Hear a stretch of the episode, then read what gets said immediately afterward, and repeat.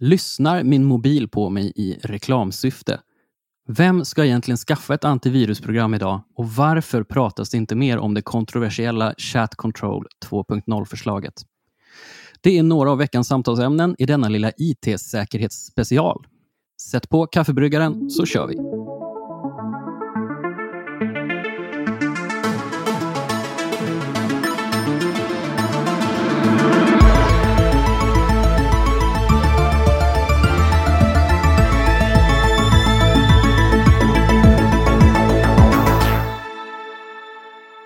Välkomna till Lördag med M3. I tisdags så inföll Safer Internet Day för att uppmärksamma viktiga IT-säkerhetsfrågor av olika slag. Framför allt vill man uppmuntra ett säkrare internet för de allra yngsta, men jag tycker inte att det skadar och eh, ta ett bredare grepp om säkerhetsfrågor.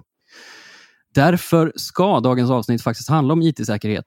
Jag och Ida Blix har bjudit in IT-säkerhetsutbildaren Karl-Emil Nicka från Nicka Systems för att diskutera IT-säkerhetsmyter och påståenden som präglar eh, säkerhetssnacket på nätet idag. Välkommen! Tack så mycket. Tack för att jag får vara med. Alltid kul att eh, få tillfället att snacka med dig. Hur är läget? Det är alldeles utmärkt får jag säga. Har precis spelat in en annan podd och hoppar rakt in till er, så jag är uppvärmd och redo. Så himla bra!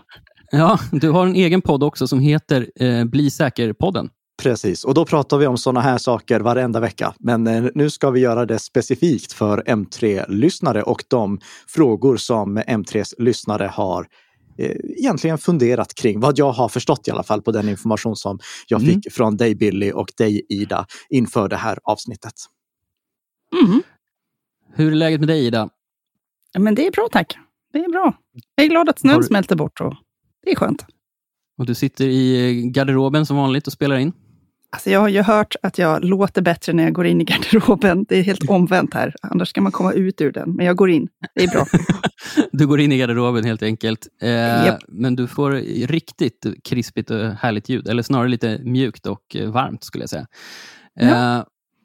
Eh, Karl-Emil, du är alltså IT-säkerhetsutbildare och du gillar inte när man kallar dig för IT-säkerhetsexpert. Berätta om eh, skillnaden. Det, det, det, är egentligen bara för att expert är ett så otroligt, det, det är en så otroligt bred term. Eh, och just IT-säkerhetsexpert blir en otroligt bred term på ett otroligt brett ämne. Det finns väldigt få som är IT-säkerhetsexperter på det sättet att de kan allting inom IT-säkerhet. Så eh, för att eh, förtydliga vad jag pysslar med så är det alltså specifikt IT-säkerhetsmedarbetarträning och Security Awareness Training som det heter på engelska. Alltså att medarbetare ska förstå hur de ska agera för att hålla sig och organisationen de jobbar i säkra. Det är den nischen som jag jobbar med. Jag visar kort och gott för medarbetare, om jag hade varit ond, då hade jag attackerat er på det här sättet. Och det här kan ni göra för att förhindra att jag lyckas. Det här kan ni göra för att avslöja att jag försöker. Och det här är de rutiner som ni kan instifta i hela organisationen för att göra det olönsamt för mig att försöka att attackera er. Jätteintressant. Du, första gången jag pratade med dig, det var ett par år sedan. Eh, och Det första du eh, gick in på då, det var ju att hjälpa oss att införa en sån här D-markskydd på vår e-post eh, på IDG. Ja, jo, det, det, kan, eh, det är en sån sak som alla nyhetssajter, alla, alla som pysslar med någon typ av journalistik, egentligen alla organisationer, ska ha på plats så här 2023 och skulle ha på plats också 2015. Exakt. Eh, men det var vi väldigt snabba med då eftersom eh, anledningen till att jag mejlade dig då var för att någon hade börjat spoofa min och företagets e-postadress för att skicka ja. konstiga saker. Och det här är ju ett problem som vi fortfarande dras med. Att, eh, alltså, e-postsystemets stora fördel det är ju att alla kan mejla alla. Mm. Men det är också e-postsystemets stora nackdel. Och ifall vi inte implementerar de skydd som finns idag för att den mottagande e-postservern ska kunna verifiera att mejlet faktiskt kommer från avsändaren som det utger sig att komma från, då är vi väldigt utsatta för att lätt bli lurade.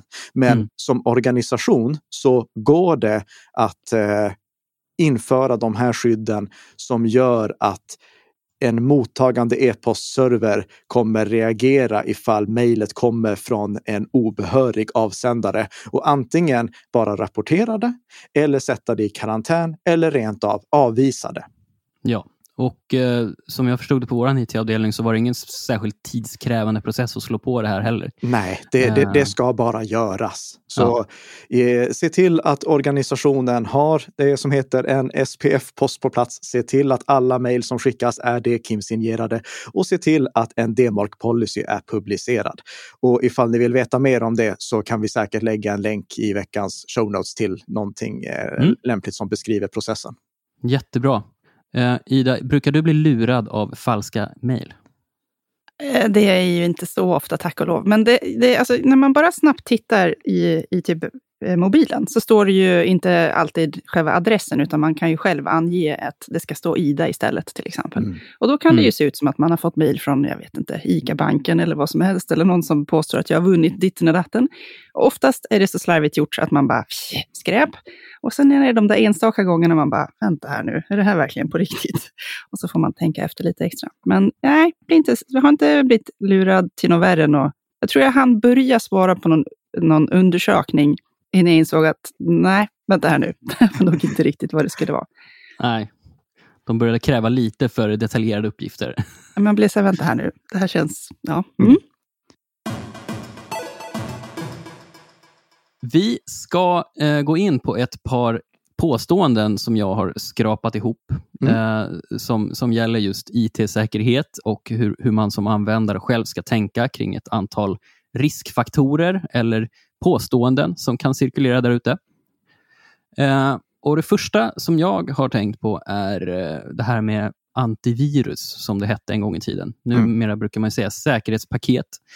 Eh, men så här var det att i, i julas då, så hjälpte jag en äldre släkting med hennes dator. Hon var orolig eftersom hennes antivirusprogram hade börjat larma eh, din dator är utsatt för risk med stora röda skyltar och utropstecken och sådär. Och Det var ju för att den här betalprenumerationen då hade upphört för henne. Ja. Och Då hade jag eh, väldigt, väldigt svårt att försöka övertyga henne om att eh, Microsoft Defender, alltså Windows inbyggda säkerhet, eh, idag är tillräckligt starkt för de flesta privatpersoner. För det första så vill jag veta din syn på det. Är Microsoft Defender nog för min eh, gamla mormor till exempel? Det är en utmärkt fråga. Och det, det här med antivirus eller klientskydd eller säkerhetspaket, det är ju någonting som vi alla lärde oss på slutet av 90-talet och början av 00-talet att vi behövde. Det var ju till och med så att eh, i samband med, jag tror det var Windows XP Service Pack 2, så eh, uppmanade Microsoft i en dialogruta, välj ett av följande klientskydd att installera på din dator. Mm. Men Sen så har problemet med skadeprogram växt till den gräns att det liksom inte längre var hållbart att Microsoft bara rekommenderade att du kompletterar Windows med ett eh, antivirus. Så i samband med släppet av Windows 8, då lanserade de Microsoft Defender som en inbyggd del av Windows som inte ska förväxlas med eh, Windows Defender som fanns tidigare, eh, som var ett skydd mot eh, spionprogram specifikt. Nej.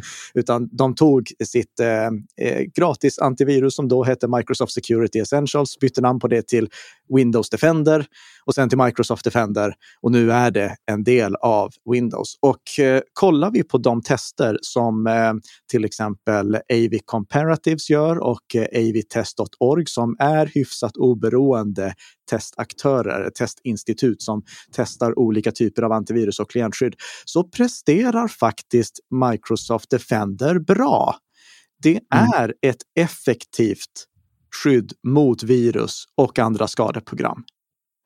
Och för de flesta så är det faktiskt tillräckligt. Men anledningen till att jag ändå rekommenderar att överväga alternativ, det har inte så mycket att göra med att Microsoft eh, Defender är sämre än alternativen som jag brukar peka på, utan det har att göra med två andra saker. Och den första, det är att vi inte vill ha en monokultur där alla Windows-datorer skyddas av ett och samma antivirus eller klientskydd. Mm. För det innebär ju att den som då utvecklar ett skadeprogram den aktören behöver bara veta hur aktören ska kringgå just det specifika antiviruset eller klientskyddet. Mm.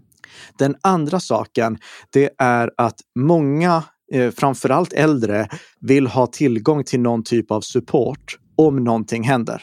Mm. Och du har ingen support för ett gratis antivirus som Microsoft Defender.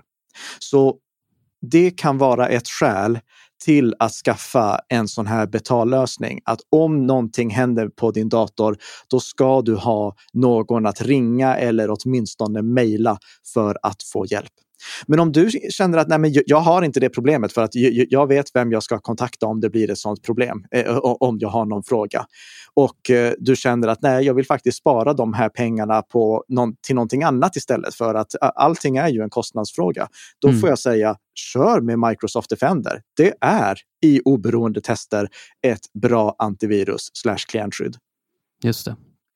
Uh, det där var en väldigt intressant uh, aspekt som jag inte själv hade tänkt på speciellt mycket just när det kommer till supportfrågan och så. Mm. Uh, just, det, det, är en trygghet för, för de som inte riktigt, ja, som du själv säger, inte riktigt vet var de ska vända sig och hur de ska tackla exempelvis om de skulle råka ladda ner en skadlig fil eller sådär. så det, det var faktiskt en väldigt bra, då, då kan jag ändå förstå henne lite grann då, min mormor. Mm. för jag tänker att det där är nog värdefullt för henne. Ja. Jag måste bara lobba in en oförberedd fråga då. Jag som Mac-användare då, jag har inte Microsoft Defender. Nej, men du har Apples motsvarighet till Microsoft Defender som heter Apple X-Protect. Det är någonting som du inte ens märker för att det ligger i bakgrunden och körs vare sig du vill eller inte. Det men, gillar vi. Så länge som du kör en underhållen version av MacOS så är Apples X-Protect-lösning tillräcklig för de allra flesta. Eh, Apple har ju tyvärr försämrat underhållet av mackar på senare tid. Medan Apple är överlägset bäst när det kommer till mobilunderhåll så börjar de bli pinsamma när det kommer till Mac-underhåll. Och därför är det viktigt att du kommer ihåg att du ska köra en underhållen version av MacOS. Ifall du inte kan köra en underhållen version av MacOS, och nu pratar vi då MacOS eh, eh, 10.14 och tidigare. Mm. Eh, mm. Då, eller är det 10.15 nu? Jag är osäker om det är 10.14 eller 10.15. Vi kan skriva i show notes vilken version det är som är den äldsta underhållna. Mm. Eh, om du kör en äldre version och vill fortsätta ha datorn uppkopplad mot internet, då ska du vara medveten om att du inte får säkerhetsuppdateringar från Apple och att du därför bör vidta två stycken konkreta åtgärder. Det första är komplettera med ett separat antivirus slash klientskydd för att få det extra skyddslagret i och med att du har förlorat ditt huvudsakliga skyddslager från Apple. Och för det andra, mm. använd inte under några omständigheter vid något tillfälle och utan undantag Safari. Just det. Bra idé. Ja. Ingen Safari ja. alltså? Nej, det, alltså Safari är perfekt på en underhållen, eh, mm, en underhållen mm. Mac. Men Safari slutar underhållas på gamla datorer av Apple. Det är lite som Internet Explorer, att det var en så ja. bandlad del av operativsystemet att Microsoft inte underhöll Internet Explorer när eh, Windows-versionen som det var installerat på slutade underhållas. Exakt. Så byt bara till en annan webbläsare som är underhållen och modern. Mm. Eller mm. ännu hellre eh, byt, eh, uppgradera datorn till en kompatibel Mac-version om datorn kan uppgraderas till en sådan. Yes. Just det. Bra där. Ja, verkligen. Bara för en sista eh, liten grej här just kring, kring de här säkerhetssviterna mm. eh, som larmar eh, när prenumerationen har gått ut inte lite tvivelaktig marknadsföring åtminstone, att man skulle vara extra utsatt för risk då? Eh, jo, det, vi ser tyvärr väldigt vilseledande marknadsföring och eh, bland de absolut värsta i sammanhanget har vi Avast. Mm. Eh, Avast som också är en del av samma företag som AVG. Jag, jag, jag, blev smått vansinnig på dem för deras metoder som de hade för att skrämma någon till att köpa deras produkt. Det jag gjorde det var att jag tog en helt fräsch virtuell maskin, alltså en, eh, en dator som körs inuti en annan dator. Mm eh, såg till att det var helt nyinstallerat Windows på den. Alla uppdateringar var installerade och så installerade jag gratisversionen av Avast. Och då uppmärksammade den mig på att oh, det fanns eh, säkerhetsbrister som var tvungna att åtgärda och att jag var tvungen att köpa någonting. Eh, det är så grovt oseriöst. Ja. Men vi kan väl säga som så här att det är bra att de uppmärksammar dig på att din prenumeration har gått ut. För Mm. att det är mycket värre att du har en icke underhållen version av en betallösning än att du har kostnadsfria Microsoft Defender. Mm. Mm. Så eh, antingen förnya prenumerationen eller byt till Microsoft Defender. Jag vill också här bara passa på att slänga in att det finns en annan typ av varning som inte är företagen som utvecklar de här antivirusprodukternas fel. Och det är eh, en, eh, en, det finns mängder med sådana här push-notis-bluffannonser som Mm. säger att eh, du har, eh, di- ditt antivirus har gått ut, du måste uppdatera det. Och det ser ut som att det är en notis som kommer från Windows, men kollar du riktigt noga då ser du att det är en push-notis från en webbplats som Ja. du har råkat tillåta push-notiser från. Yes. Och det ska du bara fullständigt ignorera. Och ifall du klickar på en sån annons och hamnar på Nortons webbplats, jag kan garantera dig, det var inte Norton som låg bakom den annonsen, utan det var en affiliate, alltså en marknadsförare som får en kickback för alla kunder som den annonsören levererar till Norton. Och då hade Ja. Norton bara varit dåliga med granskningen av eh, vem det är de tillåter att är affiliates åt dem. Ja, i- till exempel när den här barn-youtuben, eh, eh, vad hette han, eh, Pontus, eh, Pontus Pon- Rasmusson. Pontus Rasmusson, tack. Jag- Jag upptäckte att hans webbplats var full med sådana här bedrägliga annonser som ledde till sajter som du accepterade pushnotiser från eller där du lurades att godkänna pushnotiser.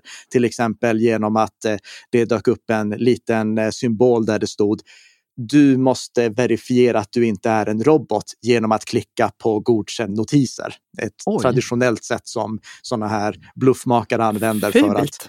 Ja, för att lura folk att godkänna notiser. Och efter det, då fick jag ju massvis av sådana här, din prenumeration har utgått, din dator är Mm. infekterad. Mm. Och det kan verka eh, pålitligt för att ofta så finns det en direkt koppling till operativsystemet du kör. Alltså om du kör en Mac, då är det information om MacOS. Om det är Windows, då är det information om Windows. Mm. Och det är för att när du aktiverar de här pushnotiserna, då har webbplatsen först kollat, okej, vilken är din eh, device eh, identifier? Vilket operativsystem kör du? Vilken webbläsare kör du? Och så får du pushnotiser med reklamvarningar som är kopplade till den Windows eller eh, MacOS-dator som du kör. Då eh, ska vi gå vidare till ett mm, mer kontroversiellt påstående. Eh, och eh, Det här är ett, eh, bara ett eh, lite roleplay från mig. Då. Mm. Eh, jag pratade om den här nya Avatar-filmen på tunnelbanan och plötsligt ser jag reklam för den överallt på internet. Den enda tänkbara anledningen är att telefonens mikrofon lyssnar på mig och att annonsjättarna sedan använder informationen för att rikta reklam mot mig. Eller hur? Nej, så är det inte och så har det aldrig varit. Det här är ett eh, påstående som fortfarande sprids. Jag såg till exempel att eh, Nord Security, ni vet NordVPN, deras Mm. Sverige-representant påstod det här så sent som 2022. Eh, kan ha varit slutet av 2021 också, men tju- 2021 eller 2022. Och, eh, alltså, det, det stämmer inte och det har aldrig stämt. Det här är någonting som, alltså, alltså det, det kan kännas så. Vi kan absolut uppleva att oh, de här annonserna, de är väldigt, väldigt träffsäkra och de har någonting att göra med någonting som jag bara har pratat om. Jag har aldrig skrivit det eller liknande. Mm.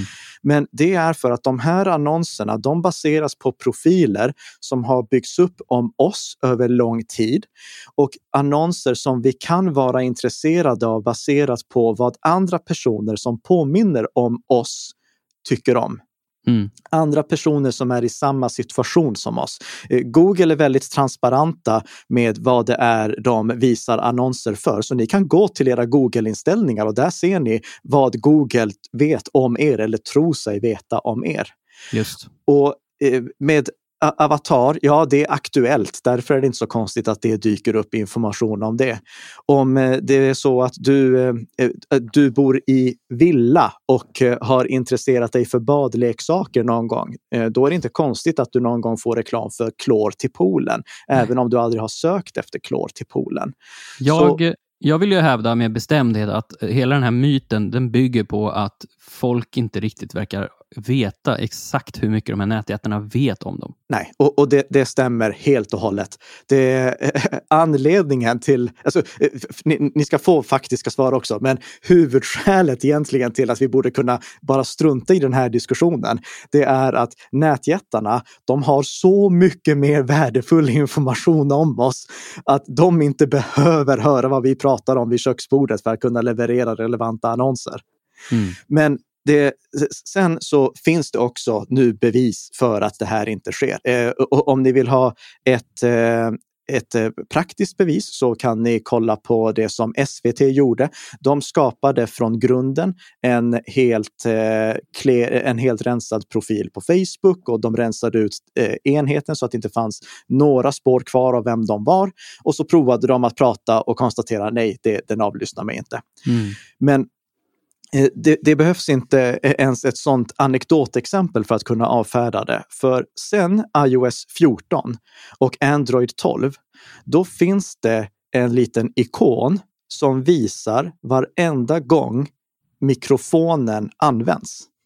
Grönpluppen? Mm. Ja, grönpluppen eller orangepluppen, jag minns inte vilket det är. Just tror den är orange i iOS. Precis, det, ja, det är nog tvärtom. Liten... Mellan, ja. Så då ser vi när en enhet, eh, när en app vill ha tillgång till att kunna lyssna på vad som sägs. Mm. Och det är någonting som ligger på operativsystemsnivå. Det är alltså inte appen i sig som säger indikera att jag använder mikrofonen, utan appen ber operativsystemet om att få åtkomst till mikrofonen och en förutsättning för att appen ska kunna få det, det är att operativsystemet samtidigt visar att den har beviljat åtkomst till mikrofonen. Mm. Det är alltså operativsystemet som visar den där pluppen. och mm. ifall det skulle vara så att Facebook kan avlyssna eh, telefonsamtal, eh, eller förlåt, eh, konversationer som vi för i närheten av vår mobil. Då betyder det alltså att ni tror att Apple skulle gå, föra oss alla bakom ljuset för att ge Facebook möjlighet att avlyssna våra telefoner utan att vi vet om det. Ja, de är inte bästa kompisar. Nej, alltså det, det är så absurt om vi tänker liksom, vad är det egentligen det här skulle behöva innebära? Mm. Och vi har inga tecken på att eh, det går någon nätverkstrafik från våra telefoner när vi, alltså det, det, det, finns inga trafikspår av att någon sån här analys skulle göras. Nej. Och eh, det finns ingen som har lyft fram ett enda bevis förutom anekdoter. Jag pratade om det här och sen fick jag en annons. Eh, så alltså, vi har tekniska bevis som visar att det här, det sker inte. Så Nej. vi kan lägga det ifrån oss. Det som endast, det, det enda som skulle vara tekniskt möjligt, det är att Apple hela tiden lyssnar på vad som sägs och att Google hela tiden lyssnar på vad som sägs och sen på något sätt paketerar den här informationen med annan information och därigenom lyckas skicka ut det från mobilnätet. Och mm. då har vi liksom konspirationsteori deluxe för ja. att eh, det skulle stämma. Men just eh, konspirationsteorier. Eh, jag blev ganska chockad när jag för, det kanske var två år sedan nu, som Aftonbladet smällde upp högst upp på sitt löp. Eh, att så här lyssnar din telefon mm. på dig. Ja, eh, och, och då har de misslyckats med att återställa någonting. Då har det fortfarande funnits kopplingar på något sätt. Mm. Det, det, är inte möjligt för mobilen att lyssna och anledningen, alltså den lyssnar konstant efter nyckelfraser. Det gör den. Mm. Den lyssnar konstant efter nyckelfraser. Det, nu ska jag inte säga hej Nej. och så namnet på en, eh, en person som heter någonting i stil med Sigrid, men inte Nej. riktigt. Exakt. Men det, det, som händer då när, när du säger den här eh, nyckelfrasen, det är att då tas inspelningen av det du sa precis, precis före. För att den, den ligger och lyssnar i bakgrunden hela tiden, för att annars hade den inte kunnat trigga på ett sånt här röstkommando. Nej. Då tas precis det du sa före och sen det du säger efter, det skickas till Apple. Ja. Och samma sak med Google. Med Google då kan du till och med lyssna på alla inspelningar som du har försett dem med. Det ligger på ditt Google-konto. Det här är inte någonting konstigt överhuvudtaget. Det ligger på ditt Google-konto så du kan lyssna på alla inspelningar. Man kan väl till och med ta bort dem? Du kan till och med ta bort dem om du känner för det. Ja. Så det är den informationen som går iväg. Men mm. att det skulle ligga någon... Äh, äh, att Apple eller Google skulle ligga i bakgrunden och analysera vad som sägs för att kunna visa annonser. Det är teoretiskt möjligt, men det sker inte. Nej. Och att andra applikationer som körs ovanpå Apples och Googles operativsystem skulle kunna göra det, det är tekniskt omöjligt. Så det behöver vi inte ens ta hänsyn till. Då eh, tycker jag att vi, vi kan väl försöka åtminstone från vårt håll eh, begrava den här myten. Absolut. Det, det, det, det, är bara ett rent tecken på Baader-Meinhof-syndromet. Säger ja. jag röd bil och du går ut på gatan så ser du röd bil överallt. Ja. Eh, och eh, däremot så funderar jag på om eh, det finns möjlighet... Eh, vi ska prata lite om någonting som heter chat control alldeles strax. Mm. Eh, men, men, på det här temat så eh, jag ska dra en egen anekdot. Och ja. det, det, här var en dag som jag själv nästan fick ta på mig foliehatten. Eh, det var så att jag, det var en fredagkväll. Eh, jag har en gruppchatt med några kompisar på Facebook Messenger eh, och jag skulle skryta om en vinbox som jag hade köpt. Jag fotade den väldigt sådär produktbildigt, bara la upp bilden på vinboxen i Messenger och 30 minuter senare så börjar de här reklamerna för just den här vinboxen synas på Facebook i mitt flöde. Mm. På exakt den vinboxen. För de har väl ändå en teoretisk möjlighet att skanna ens bilder? Absolut, det gör de. Det, jag vet inte om de gör det för annonssyfte, men all text du skriver och all allting, alla bilder du laddar upp på Facebook Messenger är möjliga för eh, Facebook att skanna mm. med undantag för om du aktiverar en privat konversation. Eh, och då, då, är det ju lite begränsat vad du har möjlighet att göra. Mm. Men ja, den möjligheten finns absolut. För att även om anslutningarna som ni har från er till Facebook, ni som diskuterar, mm. är transportkrypterade så att de inte går att avlyssna av någon obehörig så är de inte totalstreckskrypterade. Alltså så att det som du skickar inte dekrypteras förrän det har kommit till mottagarens eller mottagarnas enheter. Precis. Så eh, Facebook, eh, de kan läsa. Eh, det finns givetvis policybegränsningar för vem som får läsa vad, men ja, de kan komma åt den informationen. När du eh, chattar på ett telegram. Det, de som driver telegram, de kan läsa vad som skrivs där. Om du inte mm. går in i en sån här privat konversation och stänger av massa möjligheter. Så ja, den möjligheten, den finns. Om de använder det för att visa annonser, det, det vet jag inte. Nej, jag har ju försökt eh, hitta något bra svar på det där också, men man kommer bara till en massa konstiga Quora-sidor. Liksom. Mm. Eh, och eh, Det enda man konstaterar är att möjligheten finns, för precis som du säger, så de måste kunna... De, de matchar ju allt man laddar upp mot känt brottsligt innehåll till exempel. Ja. Så att man inte ska syssla med barnporr och andra fruktansvärda saker. Mm.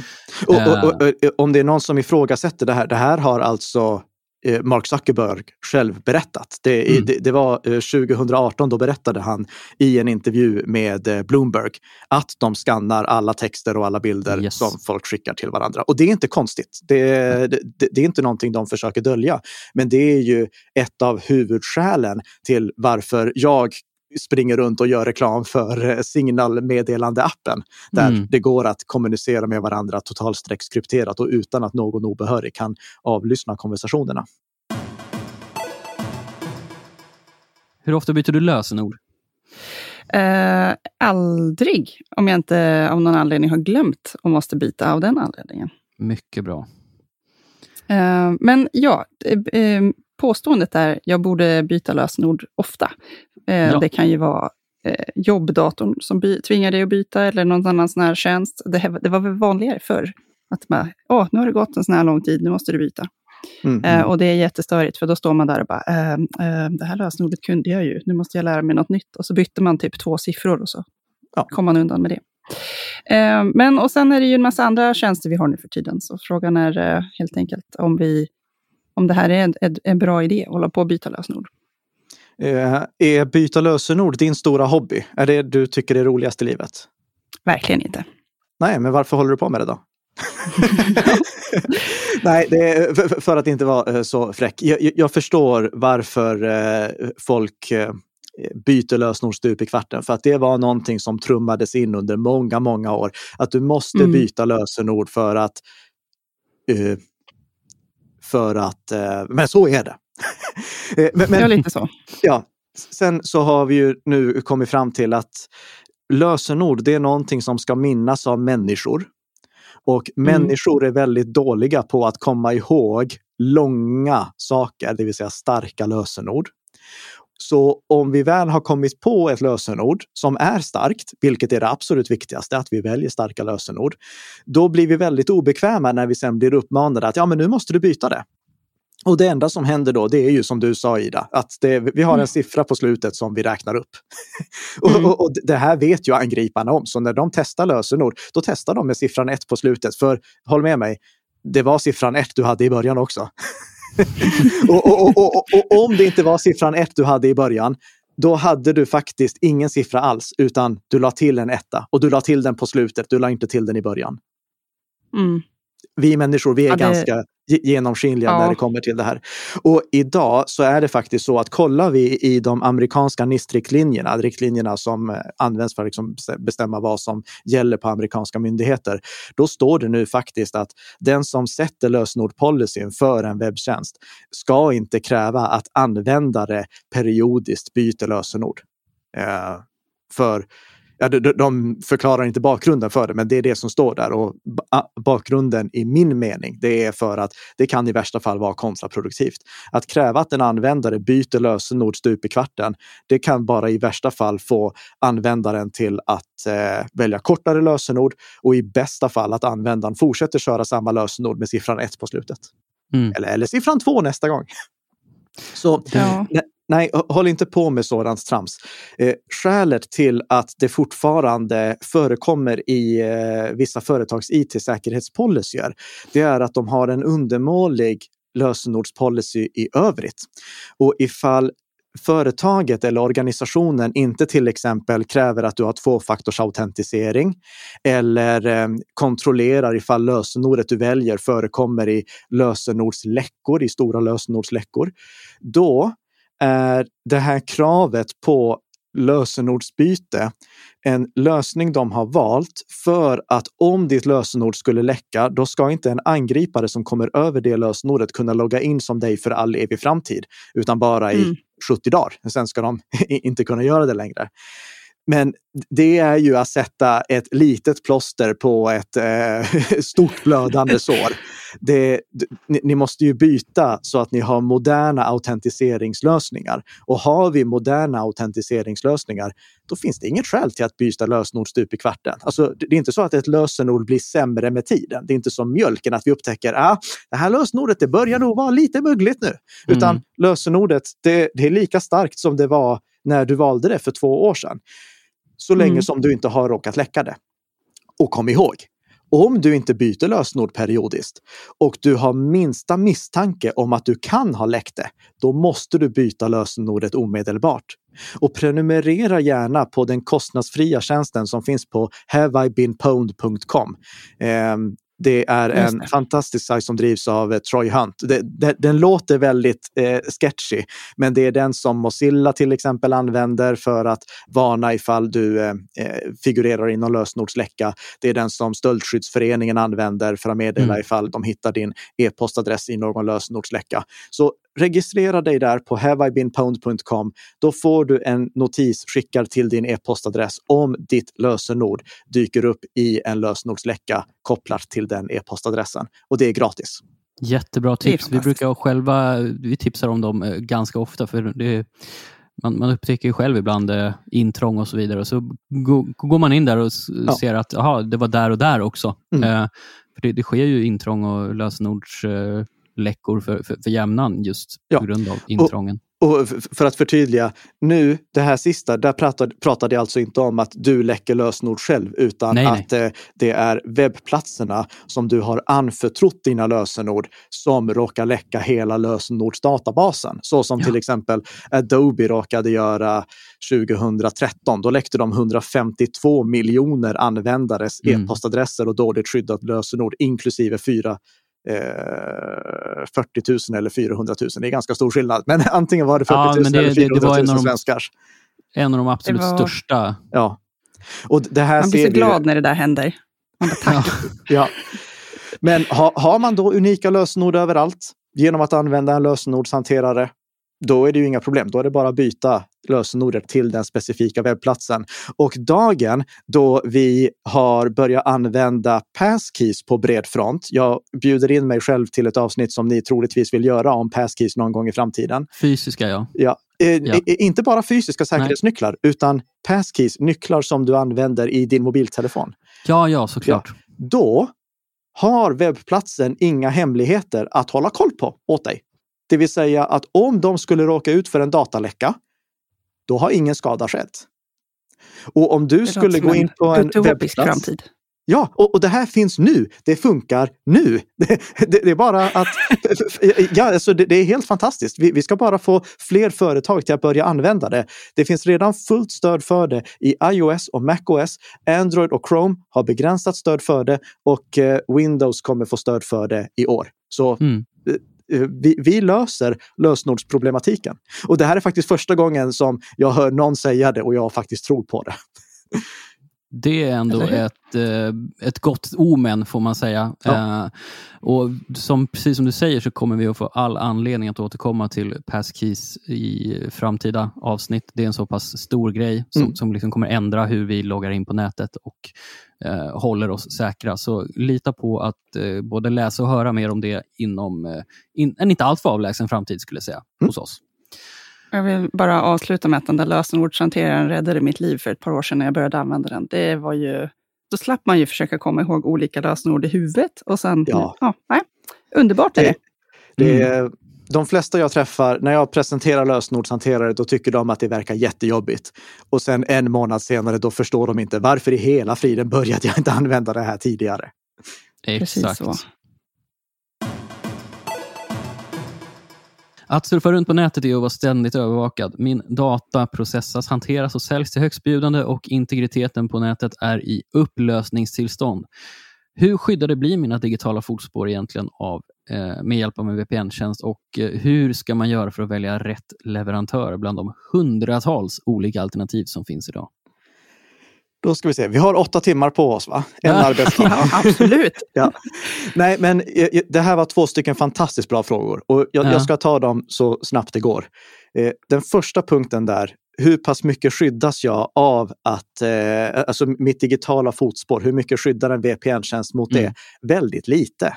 Mm. Det, det, det finns eh, några saker som det skyddar mot där. Det första som händer det är ju att du tunnlar all din trafik via en eh, VPN-server som VPN-tjänsten tillhandahåller. Allting mellan dig och VPN-servern blir då omöjligt för någon utomstående aktör att se. De kan enbart se mängden data som överförs och faktumet att du ansluter till den här VPN-tjänsten.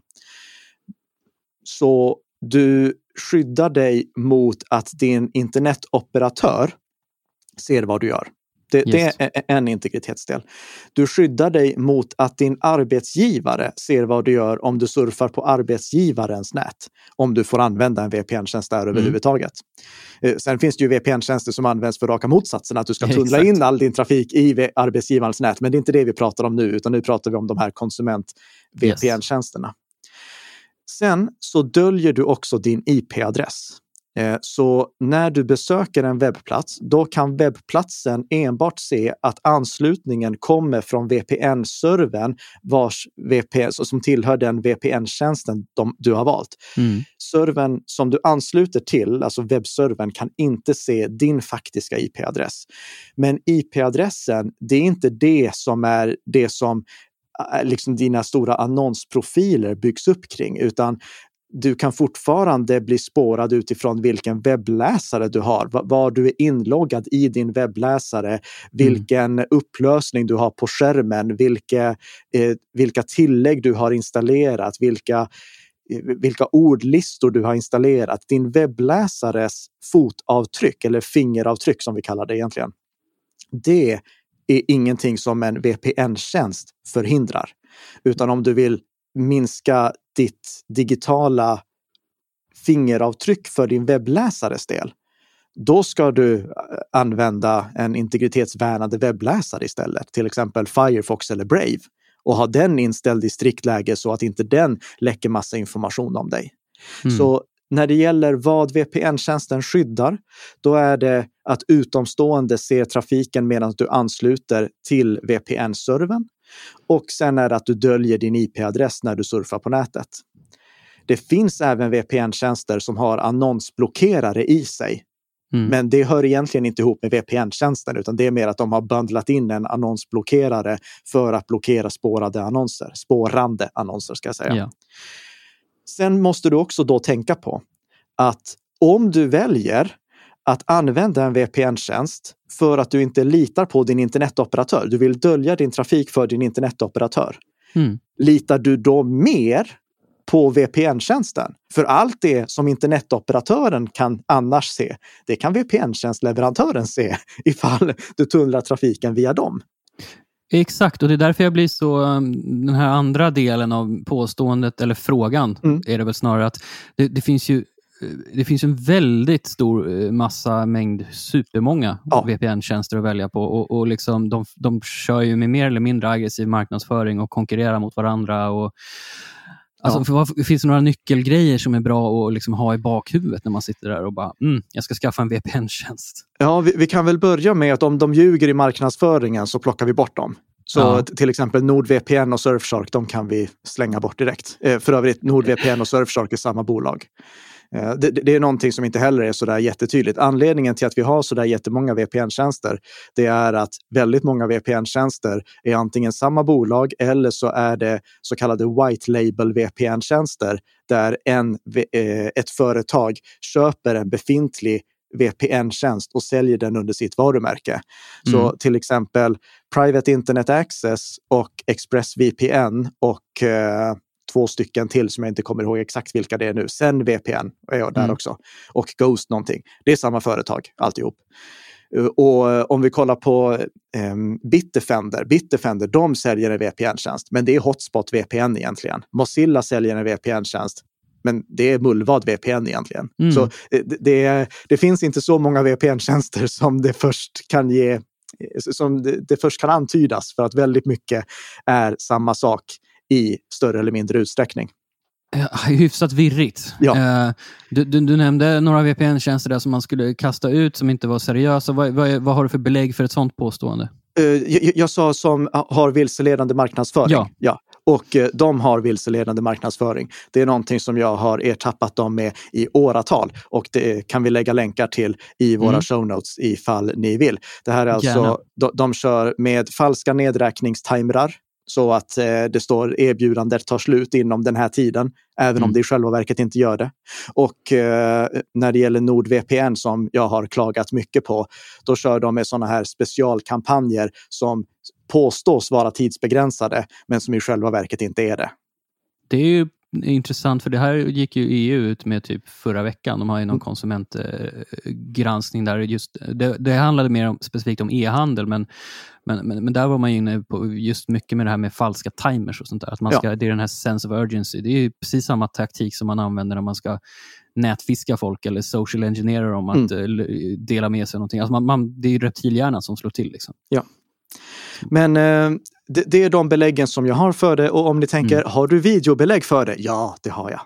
Naturligtvis. ja, naturligtvis. Så det, det ligger säkert eh, någon länk i show notes om ni vill läsa mer ja, om det. Ja, du får skicka en länk till mig efter så, så ska vi få med den. Ja, mm. men eh, vad ska vi göra mer då? Jo, vi måste först och främst kolla så att det är ett pålitligt bolag. Och ett pålitligt bolag, det är ett bolag där du kan läsa vilka det är som ligger bakom. För och om du inte litar på din internetoperatör, litar du då på en tjänst som drivs av någon som du inte vet vem är? Mm. Ja. det, och det, det här är liksom det helt avgörande, att du litar på dem. För annars så kan du ju inte heller lita på deras påståenden. Vi hade till exempel en sån här stor VPN-tjänstleverantör som heter UFO VPN och de hade i sin tur en massa olika subbrands som de använde också. De Mm. sa att de, inte, de hade en noll-loggningspolicy. De loggade ingenting. Men konstigt nog så råkade de ut för en dataläcka där de läckte terabyte med loggar. Ha, Oj, Ja, det är lite, lite ertappad eh, med fingrarna i Ja. databurken. Så eh, om du inte litar på bolaget, lita då inte på några av deras påståenden. Mm. Eh, Nummer två, se till att de har öppen källkod till klienterna så att du kan inspektera, eller kanske inte du, men så att allmänheten kan inspektera vad det är klienterna egentligen gör på din dator, hur de fungerar. Och nummer tre, kolla om de har haft någon tredjepartsgranskning, alltså där något utomstående företag har gått in och faktiskt kollat på hur tjänsten fungerar. För det är en sak att ha öppen källkod. Det är en annan sak att ha någon som faktiskt har kollat på källkoden och se Mm. ifall den faktiskt är så säker som eh, de vill ge sken av. Och som kanske dessutom har granskat hur hela företaget är uppbyggt så att de har säkerhetsrutinerna för att faktiskt hålla tjänsten säker.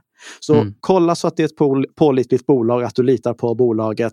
Kontrollera att det är öppen källkod till klienterna och kontrollera att de har genomgått någon tredjepartsgranskning så att någon utomstående också har kollat på det här företaget. Och det här Det gäller känns som själv... att när jag har gjort allt det där så är det väldigt få tjänster kvar. Ja, det är det. Det är ändå, ändå skönt att kunna stryka väldigt mycket. Ja. Och för full disclosure, så du, du som IT-säkerhetsrådgivare är inte affilierad med något IT-säkerhetsföretag eller någon VPN-krängare? Nej, jag har Nej. inga kommersiella samarbeten med någon överhuvudtaget. Jag eh, producerar Bli säker-podden tillsammans med en internetoperatör.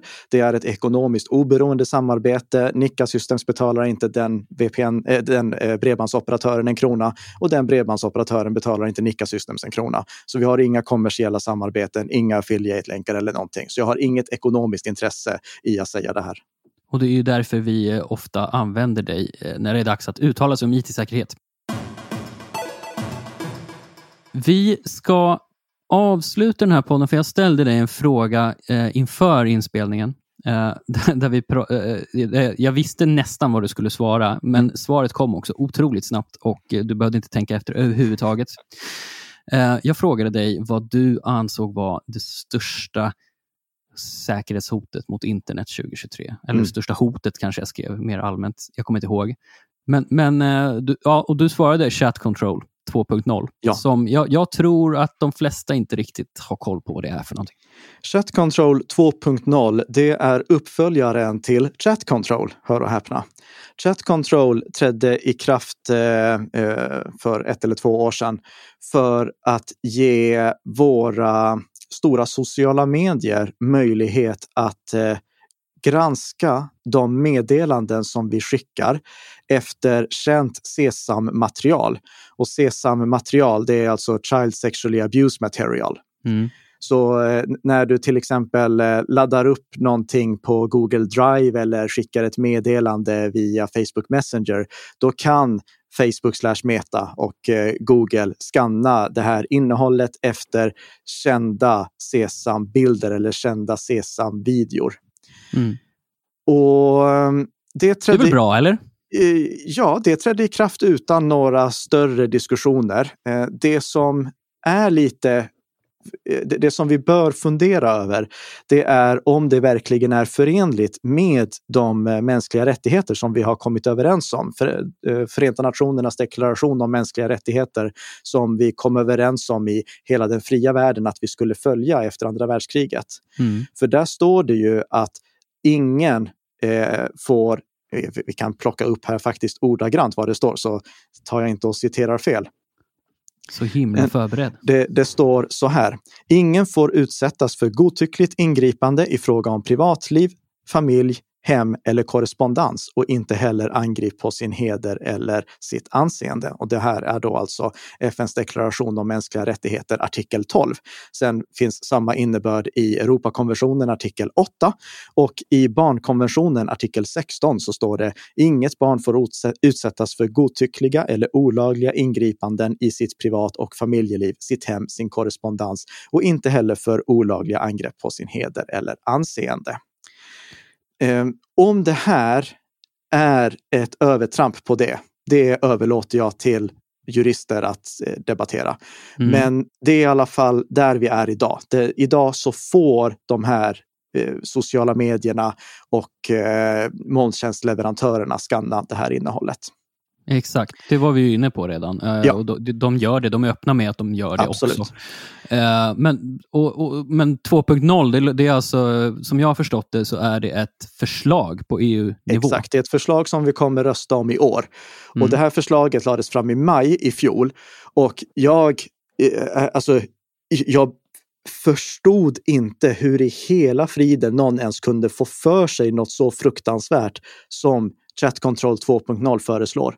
För det Chat Control 2.0 föreslår, det är att de här molntjänstleverantörerna, de ska tvingas att skanna igenom allt material. Och det ska även gälla totalstreckskrypterat material, alltså till exempel på Signal när du skickar meddelanden där. Mm. Och det ska göras utan att eh, det riskerar att ändamålsglida eller att eh, eh, missbrukas av de som skannar. För eh, som jag förstått också så är huvudargumentet fortfarande då att bekämpa barnpornografi bland annat. Exakt. Men här har de då missat två stycken väldigt viktiga detaljer. Den första saken, det är att det går inte att bryta totalstreckskryptering utan att äventyra att informationen hamnar, hamnar i orätta händer. Det, mm. det, det, finns två sätt som man skulle kunna inspektera det som skickas totalstreckskrypterat. Eh, antingen, eh, vi behöver inte gå in på det i den här podden, ni kan lyssna på poddavsnittet som jag gjorde om ni vill veta detaljerna mm. om det.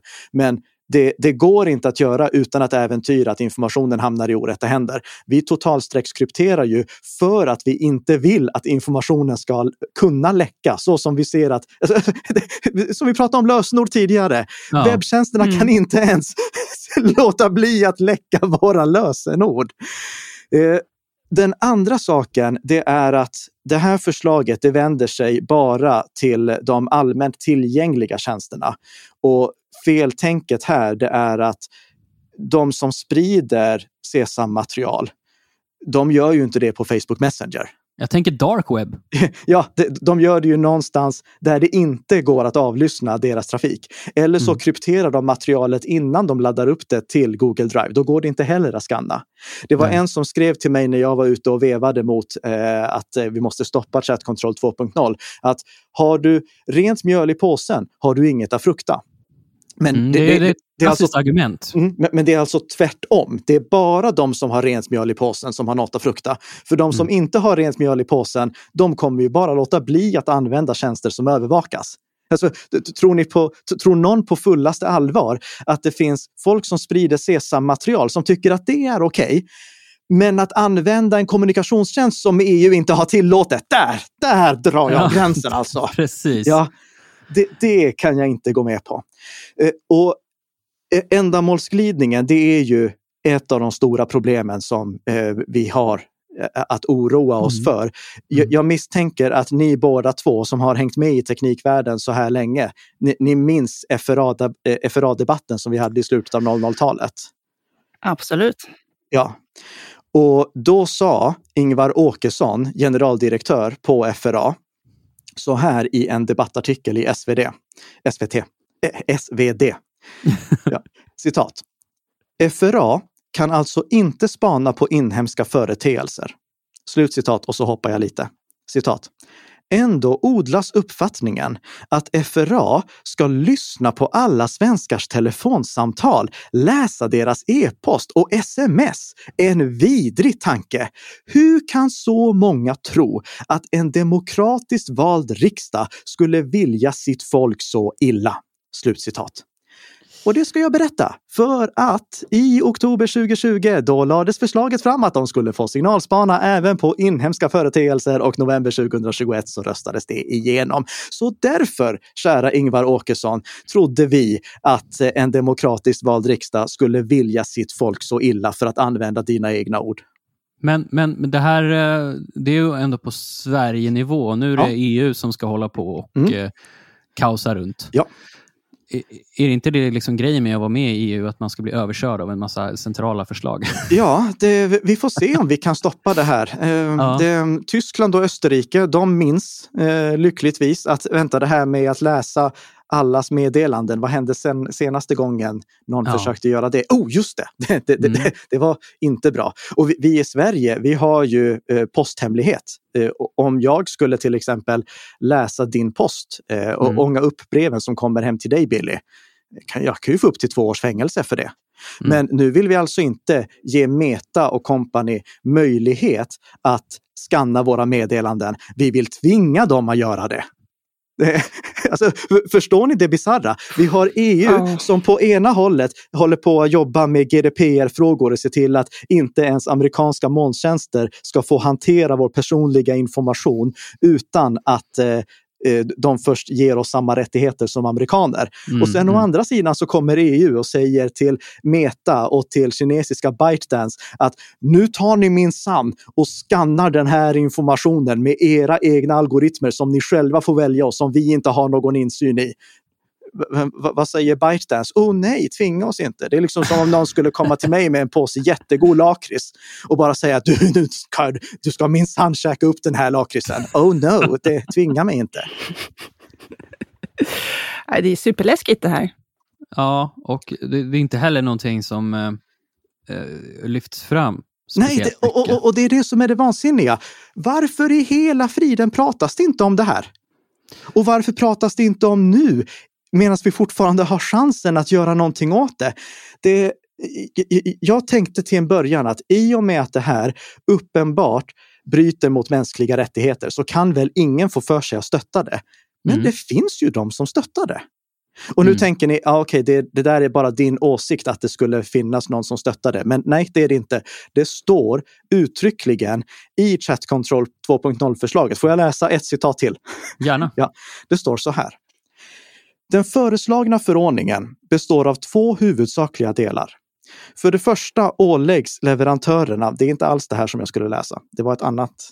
Eh, vi ska se här, det, var, det, alltså det är på 142 sidor. Ah, jag har försökt, eh, jag har skummat lite. Ja, så det, det, finns så många citat som jag har highlightat här. Jag ska bara bläddra mm. till rätt citat. Och det är översatt till svenska också? Ja, det, det finns på svenska nu. Mm. Jag ska länka till det också. Eh, Ida, kan inte du beatboxa lite hissmusik så länge? Mm. Självklart. Det är ju min specialitet. Ja, här har vi. Ja. Samtidigt påverkar åtgärderna i förslaget i första hand utövandet av de grundläggande rättigheterna för användarna av tjänsterna i fråga.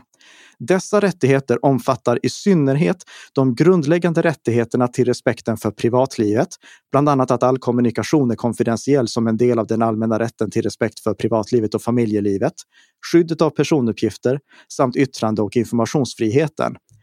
Även om dessa rättigheter är mycket viktiga är det ingen av dem som måste skyddas till varje pris, utan de måste beaktas i förhållande till deras funktion i samhället.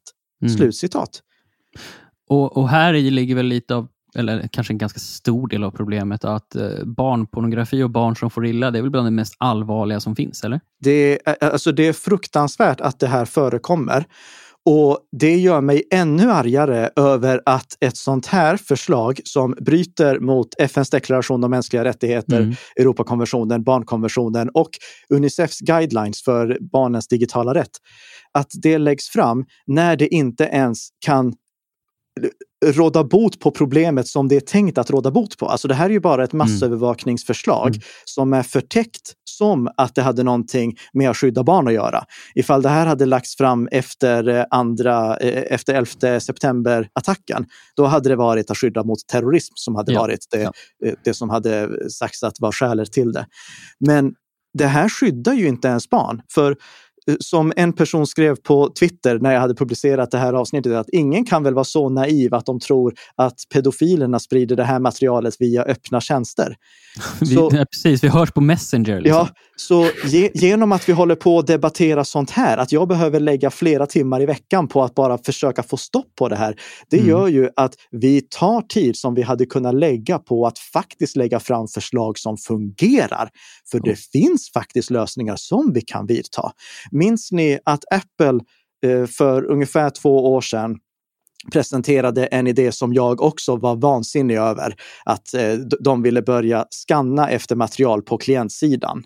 Ja, ja. exakt. Mm. Det, och, och, här har ju för övrigt också nu då FN gått ut med en varning för att klientsideskanning är någonting som måste utredas rejält innan det börjar mm. användas och det är troligtvis inte förenligt med mänskliga rättigheter. Eh, och det är FN som säger det, det är inte jag. Men det förslaget det drog ju Apple tillbaka. Och i en kommentar... Ja, de fick pudla i, i slutet av förra året va? Ja. Och i en ja. kommentar till Wired så sa de att barn kan skyddas utan att företag behöver kamma igenom deras data.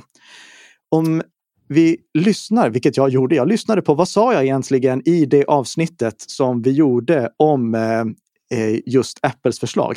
Jo, det fanns en del i det som jag sa citat, det här har jag inga problem med. Och det är den enda delen som lever vidare ur Apples mm. ursprungliga förslag. De har skrotat alla de delar som var farliga, till exempel klientsideskanningen. Men de har kvar och utvecklar möjligheten som gör att om barn får ett meddelande som kan misstänkas att vara försök till grooming, då kan barnet välja att rapportera det till sina föräldrar.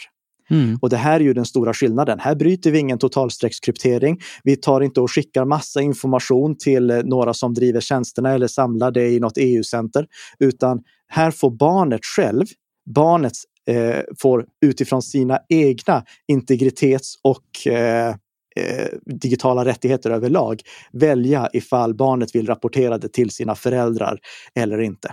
Och det här är ju mm. någonting som då är kopplat till eh, mellan barn och vårdnadshavare på iCloud-nivå för att barnet ska få tillgång till appar som vårdnadshavaren mm. har köpt. Det finns så många bra saker som vi kan göra för att faktiskt skydda barn.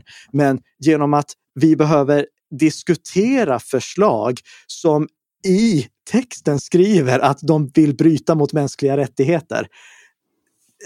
Det, det, ja. det, det är patetiskt. Ja, och just bristen på, på debatt och diskussion om det här, det kan ju leda till att man sitter där en solig fredags eftermiddag i november och eh, röstar igenom det här på ett EU-möte som typ ingen är medveten om mm. och ingen orkar. Alltså, jag har försökt titta på EU-sändningar ibland från debatter och beslut. Så där. Det är bland det tråkigaste man kan vara med om. Ja. Uh, ja, så det är helt klart någonting som än så länge har flugit ganska mycket under radarn. Mm. Uh, och vad, bara som en sista liten uh, grej, vad, vad, ska man göra för att uh, öka det här bland liksom, folk generellt? Be, be media skriva om det. Ja. Det, ligg på media, se till att få ut information om det här i media innan det är för sent. Innan våra politiker har beslutat vilken linje de ska gå på det, när politikerna har beslutat vilken linje de ska gå på, då är de jättesvåra att ändra. Så det är nu, innan de har beslutat sig, som vi måste ligga på. Be allmän media att rapportera om det. Be mm. allmän media prata med jurister för att jurister ska kunna klargöra de juridiska komplikationerna som finns med det också. Be media prata med tekniker som kan förklara att ja, det går inte att samtidigt totalstreckskryptera och se till att det går att avlyssna utan att på något sätt riskera att eh, informationen kan användas för andra ändamål än vad den är tänkt till att användas till. Mm. Så få ut det här i media så mycket som möjligt, för det är vårt bästa sätt att nå våra politiker genom att påverka allmänheten. Här mm. hade jag kunnat säga prata med din politiker. Det gör vi också. Jag vet att Mullvad som är en svensk VPN-tjänst, de skickade ett brev förra veckan till mm. våra svenska riksdagsledamöter för att informera om den här problematiken. För mm.